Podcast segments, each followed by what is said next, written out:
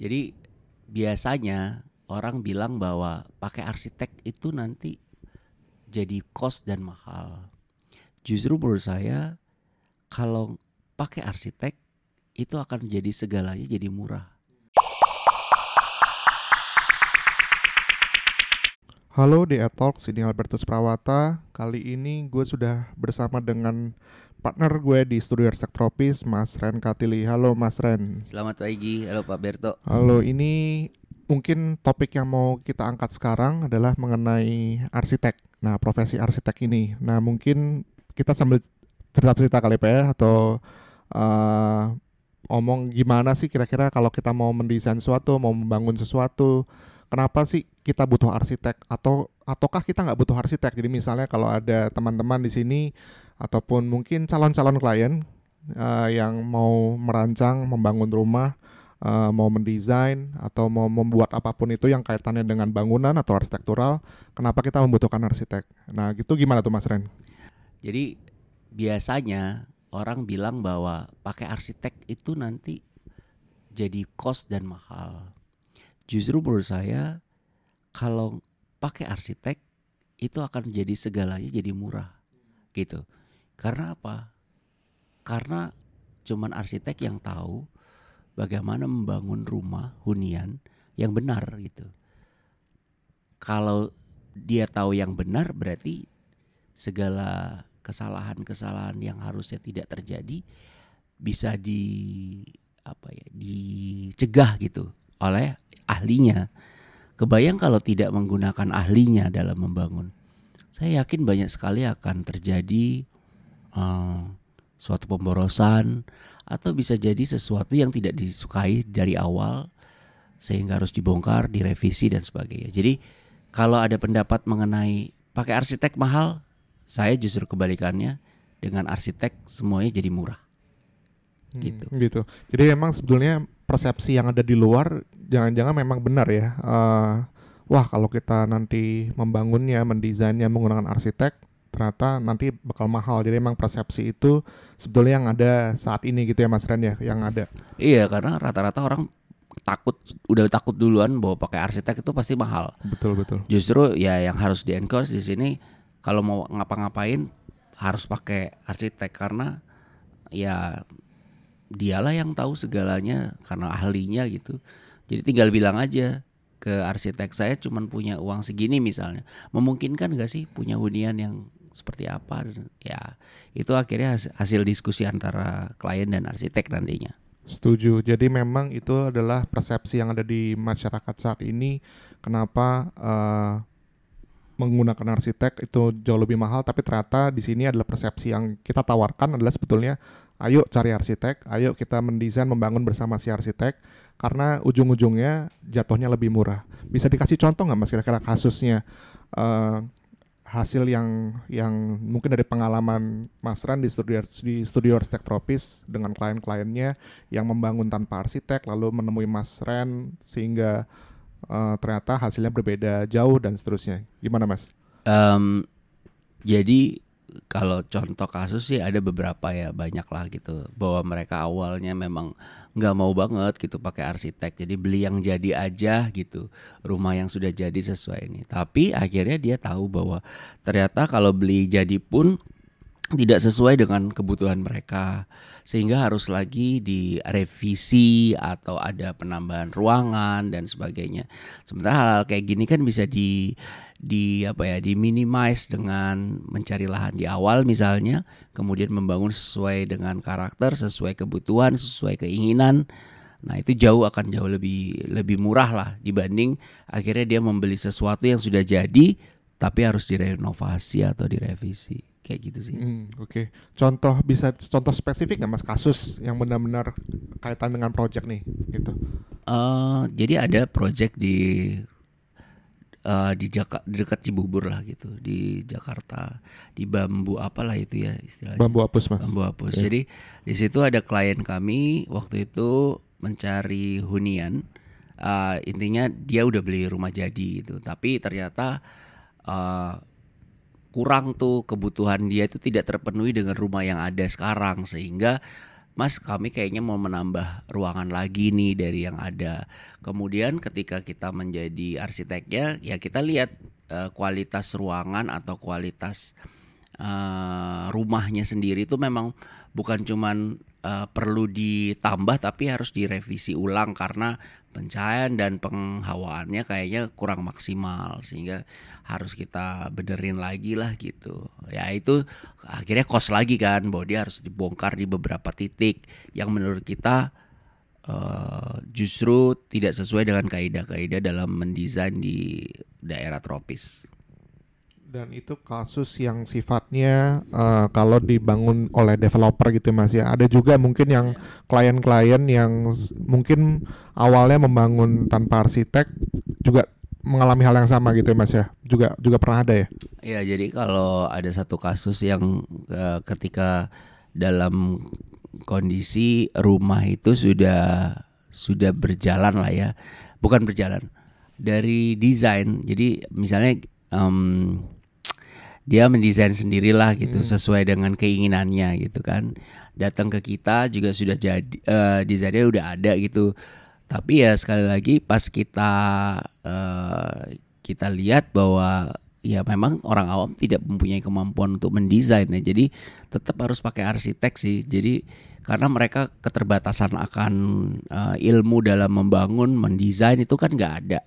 Hanya sekedar bahwa dia butuh ruangan segini segini segini. Sehingga uh, apa yang dia pikir bahwa itu tepat belum tentu juga gitu karena kita kita akhirnya kita review dan kita revisi ulang. Kadang-kadang sumbernya Pinterest tuh mas, biasanya. Di mana-mana sih, jadi apa yang dia lihat, dia foto, dia ini kan bahwa ini akan jadi jadi rumahnya pengen kayak gitu. Tapi ya sekali lagi harus diadaptasikan dengan apa yang ada di sini sih. Oke, ya ini menarik karena melihat uh, apa namanya persepsi yang ada di masyarakat bahwa ternyata menggunakan arsitek itu mahal, tapi ternyata di sini kita bisa menyampaikan kepada teman-teman uh, dan juga pada pendengar semuanya bahwa ternyata menggunakan arsitek itu malah sebaliknya, malah menggunakan arsitek bisa mereduksi hal-hal yang nantinya mungkin akan menjadi lebih mahal. Contohnya mungkin kalau bisa saya tambahkan kaitannya dengan uh, rumah yang mungkin apa namanya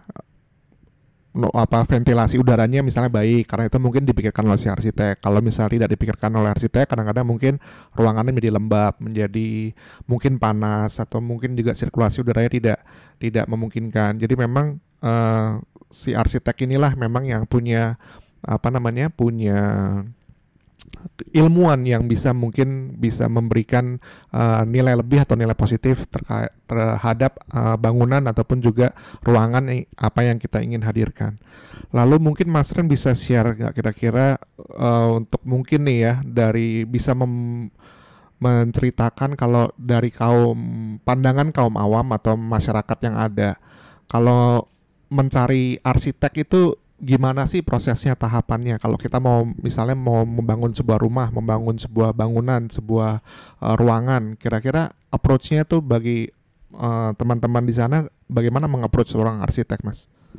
Uh, kalau orang awam sih kan sebenarnya uh, juga agak nggak terlalu paham lah ya uh, di mana sih arsitek berkumpul atau mencari arsitek itu apa lihat di plang depan kantornya atau dari mana dari majalah mungkin. Tapi um, yang paling efektif mungkin karena karena ini nilainya mahal ya. Artinya dalam mahal tuh membangun itu kan butuh duit ya, butuh dana yang cukup besar. Sehingga faktor kepercayaan itu cukup besar. Sehingga biasanya um, mereka akan mencari referensi dari teman-teman mereka yang sudah pernah membangun rumah. Itu paling efektif ya jadi misalnya mereka akan tanya, uh, eh arsitek lo siapa? gitu, pakai uh, siapa? gitu, atau nanti misalnya um, datang ke ke suatu tempat gitu, terus dia bagus, dia googling siapa arsiteknya. Jadi lebih kepada itu. Dan itu juga dari kepercayaan uh, para klien tuh akan akan lebih mumpuni lah untuk bisa mereferensikan atau approach ke orang lain gitu. Oke Mungkin salah satu halnya juga adalah portofolio maupun juga uh, sosial sosial media sosial media yang ada sekarang bisa jadikan referensi ya Mas ya. Ya itu salah satunya juga ya referensi dari uh, apa yang sudah pernah dibuat, kemudian mereka akan tanya-tanya dan sebagainya. Gitu. Lalu kalau sudah menemukan itu langkah selanjutnya apa tuh Mas? Apakah kita meeting atau bagaimana? Dan mungkin kita bisa bisa bicara dalam konteks studio arsitek tropis kali ya Mas ya. Jadi kalau misalnya dari awal, misalnya mereka udah mendapatkan referensi atau informasi mengenai uh, biro yang mereka tuju gitu ya. Contoh misalnya uh, calon klien dari studi arsitek tropis. Jadi mereka akan lihat portfolio kita atau dia sudah pernah dapat informasi siapa pun teman atau kerabat yang pernah menggunakan jasa arsitek dari studi arsitek tropis. Setelah itu mereka biasanya kontak ke kita Nanti dari kontak dia akan tanya-tanya. Biasanya ada yang menanyakan langsung luasannya segini bisa nggak bantuin kami? Kira-kira costnya berapa fee-nya berapa? Untuk orang-orang ini itu biasanya akan benar-benar mencari informasi sedetail mungkin dari awal uh, supaya mereka benar-benar punya keyakinan bahwa ini arsitek yang memang saya akan hire gitu Nah dari situ kalau udah kesepakatan biasanya nanti dari mereka akan minta uh, dari kita terutama kita akan uh, kirim beberapa dokumen di awal untuk dipelajari uh, apakah sesuai dengan apa yang mereka apa ya mereka butuhkan misalnya. Jadi proses legalnya jelas udah di awal di, di, diberikan dari situ sehingga ketika ada kesepakatan sebenarnya tinggal langsung berjanji untuk ketemu kemudian dari situ bisa ada pembicaraan awal sehingga trust itu udah terbangun pelan-pelan lah gitu.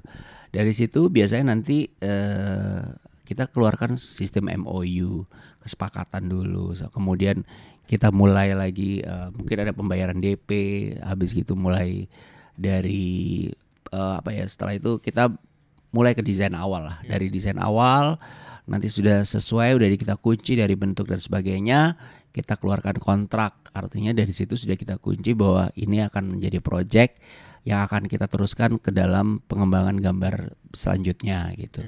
Setelah itu baru kita ketemu dengan kontraktor yang sesuai dengan karakter uh, misalnya ya kan ada beberapa kontraktor yang kita pilih memang sesuai dengan karakter bangunan yang akan kita bangun. Uh, dan biasanya itu uh, referensi kontraktor dari kita Nanti dari situ baru keluar RAB yang membuat RAB uh, kontraktor kita bantu mereview sehingga nanti orang-orang uh, para klien ini langsung berhubungan dengan kontraktornya. Udah deh, setelah itu baru mulai proses konstruksi dan kita mengawasi proses penjelasan. Iya. Jadi mungkin bisa gue tambahin di awal tuh sebetulnya sudah diberikan sebuah kejelasan dan ada MOU, ada ada apa legal yang sudah mengikat sehingga klien-klien pun juga sebetulnya tidak perlu takut uh, terkait dengan aspek ini apakah bakal ditipu, bakal ini karena semuanya sudah harusnya sudah sudah dijelaskan melalui uh, kontrak atau legal yang akan di, dibuat di awal di perjanjian awal tersebut dan tersebut dan hal tersebut sudah apa menjadi suatu hal yang sifatnya terikat oleh oleh hukum. Jadi kalau ada apa-apa uh, sebetulnya bisa saling uh, merujuk pada kesepakatan yang sudah dibuat bersama tersebut. Jadi sebetulnya kerjasama ini sebetulnya saling menguntungkan. Uh, yang harus dilihat adalah uh, sebetulnya ini sebuah sebuah investasi betul ya Mas Ren ya. Kalau ngelihat uh, apa namanya menggunakan jasa-jasa yang sesuai uh, bidangnya, sesuai dengan keilmuannya. Uh, jadi sebetulnya itu yang mungkin mau kita sampaikan di episode Talks kali ini bahwa ternyata mau apa namanya menggunakan jasa arsitek itu adalah penting dan harus bisa menjadi sebuah bisa di, harusnya habit ya. Kalau kalau mungkin kalau gue ta gue tambahkan kalau kita sakit aja kita pasti ke dokter gitu. Bukan ke ke dukun. Jadi memang jadi kalau kita mau mendesain membangun rumah tuh kena ke mana ya? Pasti ke ahlinya yaitu ke arsitek. Jadi kalau kita aja mau ke dokter kenapa kita nggak mau ke arsitek? Dan apakah kita pernah menawar dok kita bayarnya di, di ditawar ya atau jangan mahal-mahal. Merasa itu juga bukan suatu etika yang uh, apa namanya yang yang diberikan gitu ya atau etika yang harus dilakukan tapi tentunya ada ada sebuah proses gitu ya yang terjadi di sana. Nah mungkin nanti terkait dengan tawar menawar atau terkait dengan desain dan segala macam bisa jadi topik di episode lainnya. Tapi untuk kali ini eh, rasanya cukup terkait dengan kenapa kita butuh arsitek. Terima kasih Mas Ren atas bincang-bincang pagi ini. Sama-sama. Nanti Terima kasih. bakal sering-sering ya Mas ya untuk ngobrol-ngobrol. Oke, siap. Oke, terima kasih.